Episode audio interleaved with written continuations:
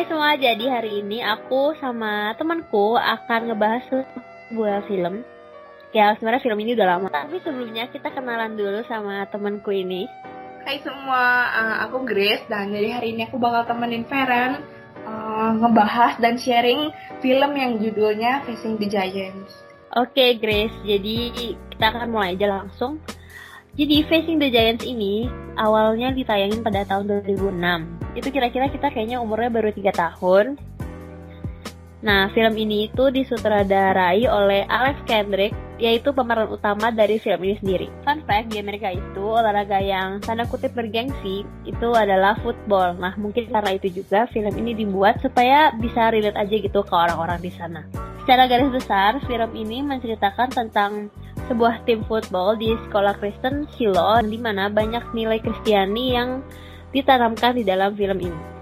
Nah, kita langsung mulai aja buat bahas alur sama konflik-konflik yang ada di film ini.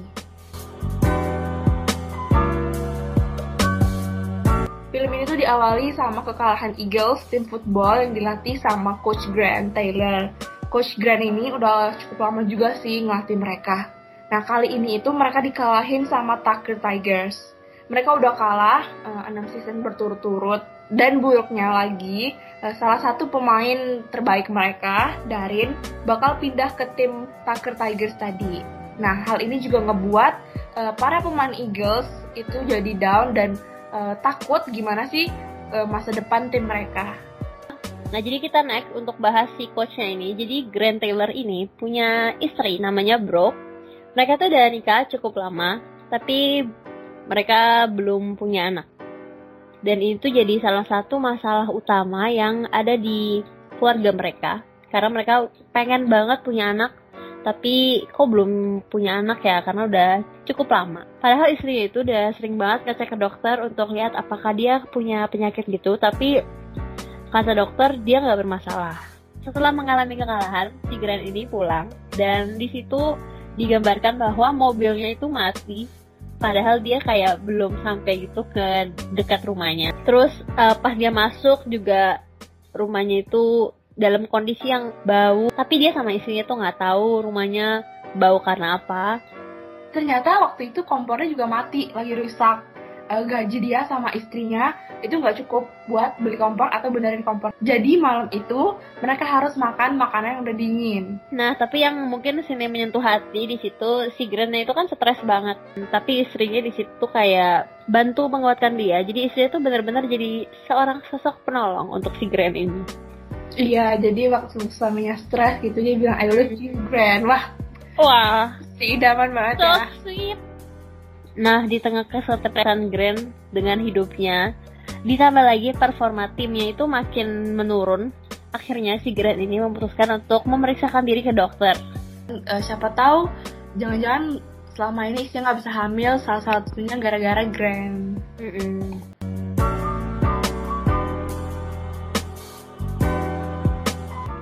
Nah, jadi ada satu anak namanya David, dia baru pindah ke Shiloh dia sebenarnya pemain sepak bola tapi di Chile ini kebetulan gak ada tim sepak bolanya. Jadi dia akhirnya pikir buat kenapa aku nggak join ke football aja? Nah, tapi uh, papanya papanya David ini namanya Larry dia tuh dorong David terus buat nggak apa-apa kamu ikut aja coba aja dulu. Kamu pasti bisa kok gitu. Walaupun kenyataannya sepak bola sama football agak jauh ya. Iya apalagi di sini David tuh badannya agak kecil ya kecil, dibanding ya. pemain football lainnya. Nah, saat dia daftar, dia kan disuruh coba tuh. Dia coba untuk nendang, tapi ternyata tendangannya itu nggak nggak nggak nyampak ya, jauh banget dari gawangnya. Iya, dia nggak memenuhi standar. Kadang miring, kadang terlalu rendah. Nah, jadi pas waktu mereka lagi latihan, Matt Prater ini salah satu pemain di tim football itu papanya datang si Neil ini.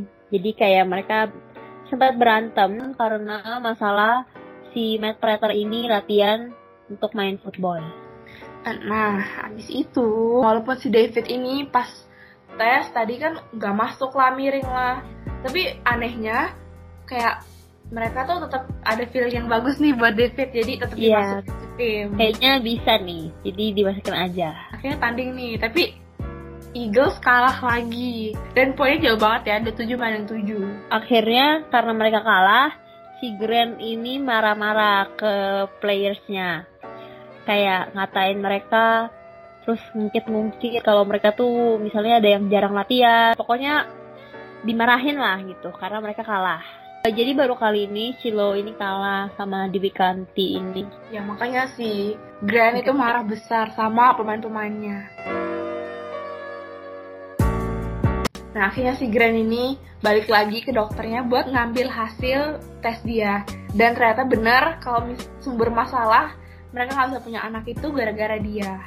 Nah jadi malam itu karena dia ngerasa bersalah banget sama istrinya, dia nggak langsung pulang ke rumah, dia balik lagi ke sekolah dan di sana ya dia merenung gitu. Setelah dia selesai merenung, dia memutuskan untuk ya udah pulang aja. Pas dia mau pulang, ternyata dia ngelihat ada satu ruangan yang pintunya itu nggak ketutup dan pas dia mendekat ke ruangan itu ternyata um, ada beberapa orang termasuk kayak beberapa orang tua murid yang rapat. Dan dia akhirnya nggak sengaja nguping posisi dia sebagai head coach itu mau diganti. Dan di rapat itu juga ada temannya. Akhirnya dia memutuskan untuk nggak nguping sampai selesai. Jadi dia pulang. Dan dengan perasaan yang campur aduk iya. hmm, dia akhirnya ngomong semuanya ke istrinya yaitu Brooke yang mungkin dari hasil tesnya yang menunjukkan kalau sebenarnya dia itu yang tanda kutip sumber masalahnya kenapa mereka berdua selama ini nggak bisa punya anak. Terus dia juga kasih tahu kalau posisi dia itu mau diganti kayaknya. Di sini tuh mereka posisinya duduk di meja makan di dapurnya. Terus mereka nangis. Dan menurut aku ini scene-nya agak buat emosional ya karena ya kita bisa melihat sepasang suami istri yang mungkin berbagi kesedihan gitu. Iya hmm. juga uh, dia nggak marah sama suaminya, nyalahin suaminya, tapi dia malah kuatin suaminya bilang kayak it's okay gitu. Iya, keren sih. Adegan selanjutnya itu uh, di mana istrinya kebangun dan Gran nggak ada di sampingnya. Istrinya cari Gran keluar dan dia ngelihat Gran lagi baca Alkitab itu kira-kira subuh. Nah setelah itu istrinya balik ke kamar, dia juga dia berlutut berdoa sama Tuhan. Nah paginya ini istrinya bangun, Grand udah gak ada lagi di sampingnya. Dan pas dia keluar ternyata Grand lagi berdoa sama Tuhan sambil baca Alkitab di halaman rumah mereka. Si Grand juga berdoa sama Tuhan kayak dia minta Tuhan tuh buat tunjukin apa sih tujuan dari hidup dia gitu. Karena pastinya kalau kita bayangin kita ada di posisi yang paling terpuruk kita bakal bertanya-tanya gitu ke Tuhan mungkin kalau apa sih sebenarnya yang Tuhan mau dari hidup kita karena mungkin hidup itu terasa tidak bertujuan. Nah di sini titik balik hidup mereka di mana e, mereka berdua tuh sepakat buat nyerahin hidupnya ke Tuhan kayak menjalani masalah-masalah mereka bersama-sama dengan Tuhan dan mengandalkan Tuhan. Iya jadi ini menginspirasi banget ya buat kita kalau misalnya lagi ada masalah tuh jangan terus-terusan terpuruk ke dalam masalah tapi kita malahan harus berbalik kepada Tuhan menyerahkan diri kepada Tuhan nah dari situ akhirnya Grand ini mulai berubah hidupnya dan dia juga mampu mempengaruhi dan juga memotivasi anak-anak yang ada di tim Eagles ini. Di satu hari, ada pendeta Bridge masuk ke ruangannya Coach Grant. Pendeta Bridge ini pendeta yang sering banget doain murid-murid di Shiloh. Nah, caranya itu unik ya, karena uh, dia doainnya tuh dengan cara dia jalan di lorong-lorongnya, terus dia sambil pegangin setiap loker dari anak-anak itu sambil didoain. Nah, tapi siapa sih yang sangka ternyata uh, pendeta Bridge ini yang nyampain jawaban Tuhan yang Grand minta waktu dia doa di halaman rumahnya. Jadi pendeta Bridge ini yang sampaikan apa sih yang Tuhan mau atas hidup Grand. Nah dari perkataan pendeta Bridge ini akhirnya Grand dapat petunjuk dari Tuhan dan dari juga dia dapat filosofi tim kerja yang baru. Nah, iya dari situ dia akhirnya dapat pencerahan gimana caranya jadi coach yang baik, jadi seorang pemimpin yang baik untuk anak-anaknya di tim football itu. Nah, jadi coach Grant ini juga mendapat sesuatu yang baru. Akhirnya dia juga bilang ke anggota di tim Eagles dia juga sampai mindset baru pokoknya uh, mereka semua harus berjuang dulu menang atau kalah terserah yang penting mereka kasih yang terbaik buat Tuhan nggak cuma buat tim Eagles tapi kehidupan Grant dan istrinya Brooke itu juga sedikit demi sedikit dipulihkan. Nah di saat Grant ngelatih tim Eagle ini, Grant gak sengaja nggak dengar kalau ada salah satu anggotanya kayak pesimis gitu kalau udahlah mereka tuh udah pasti kalah nggak akan menang lagi ke depannya. Nah jadi dari situ si Grant itu ngingetin si Brock ini karena Brock ini yang Grant rasa itu paling berpengaruh sebenarnya ke timnya jadi Grant menekankan kalau kita itu harus punya mental pejuang, mental pemenang. Jadi apa pun hasilnya nanti kita nggak boleh rendah diri dulu gitu. Yang penting kita berjuang dulu kasih maksimal gitu nah, ya. Nah, iya benar. Nah, jadi satu persatu masalah yang dihadapin sama anggota Eagles mulai diperbaiki sama Grant termasuk uh, si Matt Prater yang awalnya sempat berselisih sama papanya, si Grant juga nasihatin dia buat supaya dia bersikap hormat sama papanya.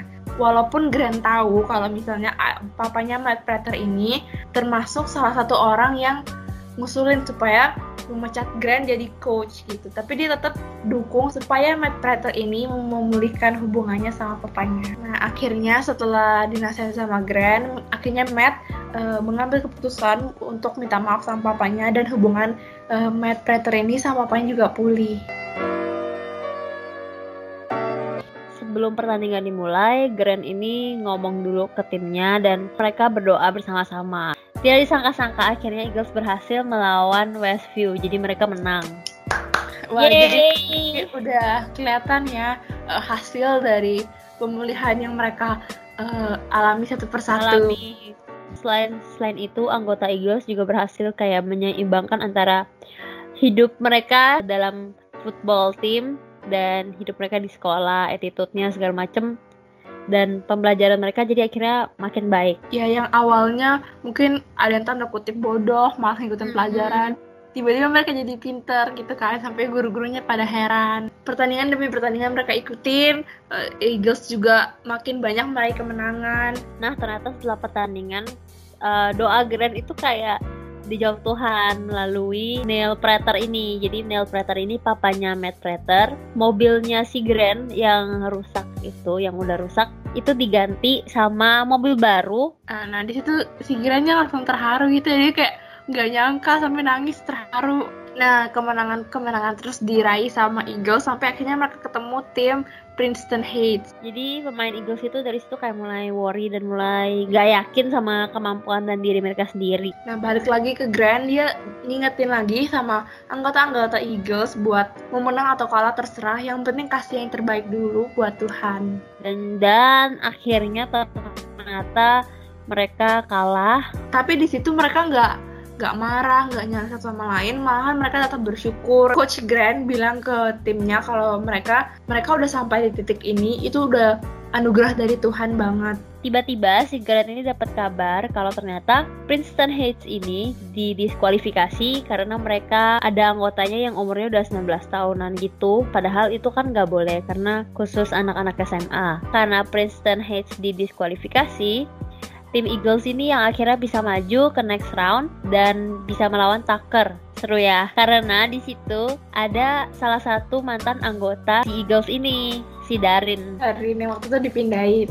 Iya bener. Nah akhirnya tibalah di mana saatnya si tim Eagles ini melawan Tucker Tigers dan tanpa disangka si David Childers itu mencetak gol yang akhirnya membawa kemenangan kepada tim Eagles. Nah, jadi di saat ini juga sebenarnya si Grant itu takut dan worry sama Eagles karena namanya juga manusia jadi punya takutannya. Mungkin Grant Kita... belum cukup kuat ya buat hmm. melawan Giants. Hmm, dan ditambah lagi waktu itu Brock itu istrinya tuh lagi sakit. Jadi si Grant itu banyak pikiran waktu itu ya. Tapi Brock ini juga menyemangati Grant supaya Grand itu nggak menyerah supaya Grand itu tetap kuat untuk tim Eagles ini. Nah ternyata istrinya ini diem-diem buat ke dokter kandungan karena dia ngerasa dia kayak udah uh, mual selama dua hari. Jadi dia akhirnya mutusin buat ngecek kehamilannya lagi. Tapi sayangnya uh, waktu itu hasil tes dia masih negatif. Dan perawat-perawat di rumah sakit itu juga kayak ngelihat bro kasihan ya. Karena si bro ini udah berapa kali ke rumah sakit untuk ngecek kandungannya dan tapi hasilnya dan juga selalu negatif, negatif ya. Yang terakhir kali juga mau negatif hasilnya. Padahal si Brock ini udah optimis kalau dia banget ya. ya udah yakin banget kalau dia hamil, tapi ternyata hasil di kertas itu mengatakan kalau dia negatif hamil. Nah, selama permainan dimulai, mereka udah pada takut ya uh, anggota-anggota Eagles karena waktu lihat musuhnya ternyata ada 85 orang pemain. Sedangkan Sedangkan waktu posisinya mereka cuma 32 orang. Iya, jauh banget uh, jumlahnya. Terus kalau dilihat dari segi fisik juga badan mereka tuh kecil-kecil kalah jauh dari Giants. Giant. Coachnya Giant, Bobby Lee waktu itu juga udah sombong banget, udah yakin hmm. banget kalau mereka bakal ngalahin Eagles. Pasti menang. Nah, di tengah-tengah permainan Joshua Webster ini dia uh, melakukan extra point kick. Tiba-tiba dia patah tulangnya, salah satu bagian tulangnya patah dan akhirnya dia nggak bisa main lagi. Jadi si David Childers ini yang ngegantiin dia. Walaupun si David Childers ini juga deg-degan ya. Iya, lanjut Grace. Nah, ternyata uh, si David ini berhasil nyetak gol. Nah waktu itu skor mereka juga nggak beda jauh dan perlahan-lahan Giants juga mulai ngejar poinnya Eagles. Nah waktu di 7 menit terakhir akhirnya Giants berhasil mencetak skor yang akhirnya bikin uh, skor mereka beda tipis yaitu Giants 21 sedangkan Eagles 23. Nah, untuk memenangkan pertandingan, David Childers ini harus menendang bola sejauh 51 yard Walaupun saat itu dia ragu, tapi akhirnya dia mengesampingkan ketakutannya. Nah, di situ Grant sama papanya David, Larry juga dengan di situ Grant sama papanya David juga uh, terus dukung David ya supaya dia berani nendang bola itu. Dan akhirnya mereka berhasil mencetak skor. Iya benar.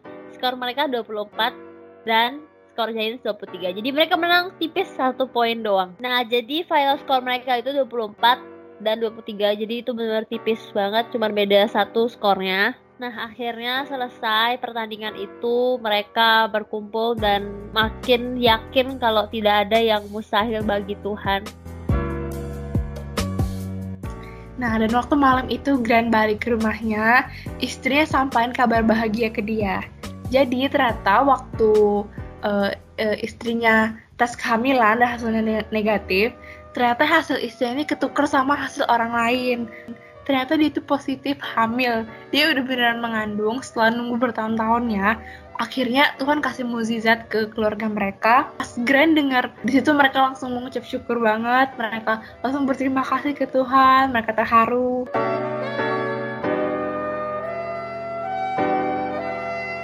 Jadi film ini tuh bener-bener mengandung banyak nilai-nilai yang bisa ngajarin kita dari berbagai aspek. Nah, salah satunya itu dalam mental kita dalam berolahraga. Nah, sering kali kita tuh kalau misalnya udah lomba, udah tanding, itu tujuan kita tuh cuma fokus menang, menang, pokoknya harus menang. Uh, padahal menang itu tuh bukan tujuan utama gitu loh. Yang penting kita udah kasih yang terbaik, menang kalau itu urusan belakangan. Yang penting selama prosesnya kita tanding, itu kita udah kasih yang terbaik.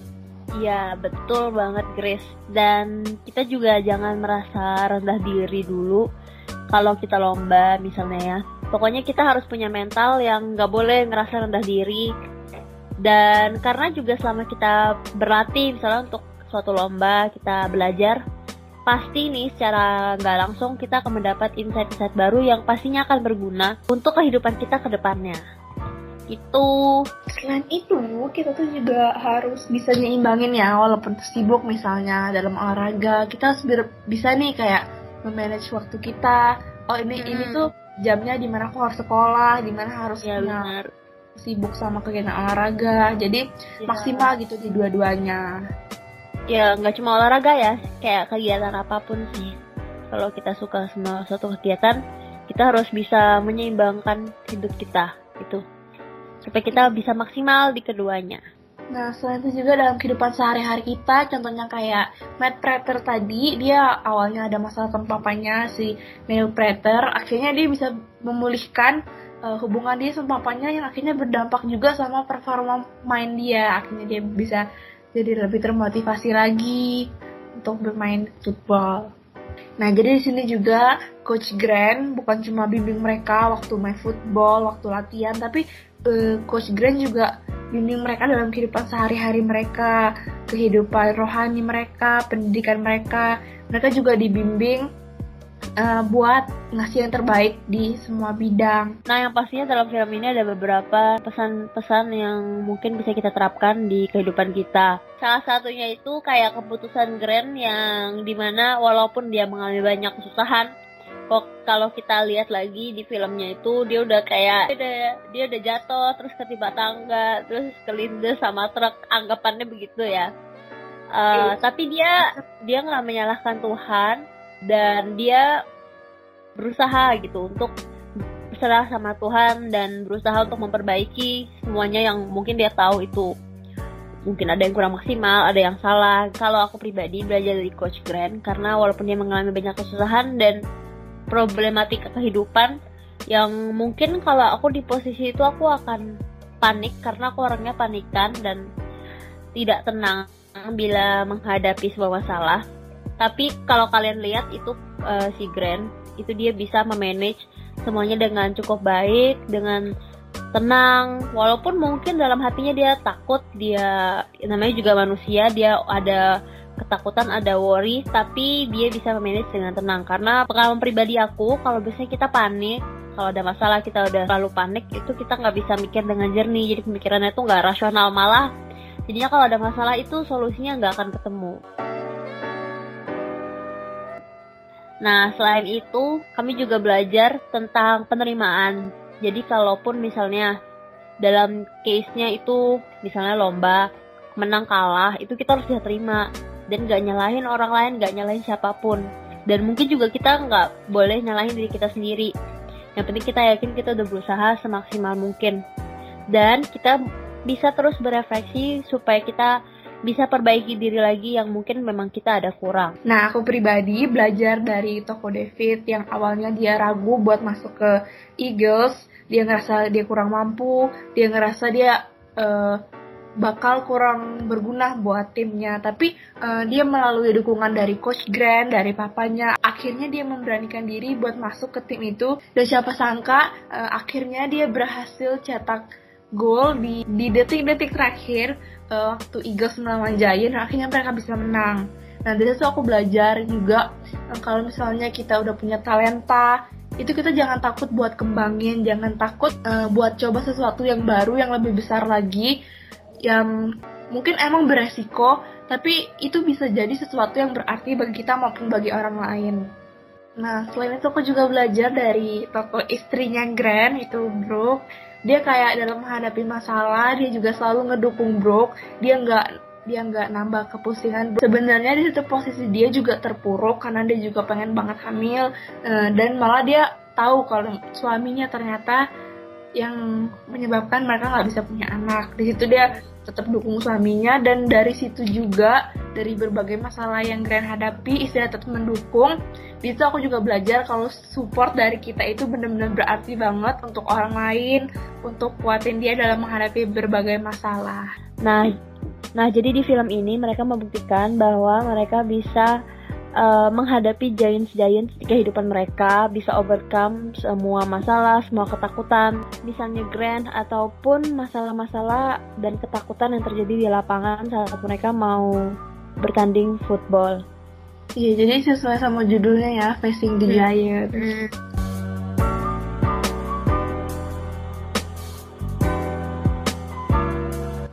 Oke, sekian dulu podcast dari kita. Ini podcast pertama dan terakhir ya. Iya, nggak tahu lagi kapan kita ngebuat podcastnya lagi. Tapi ya, terima kasih ya udah mendengarkan. Thank you.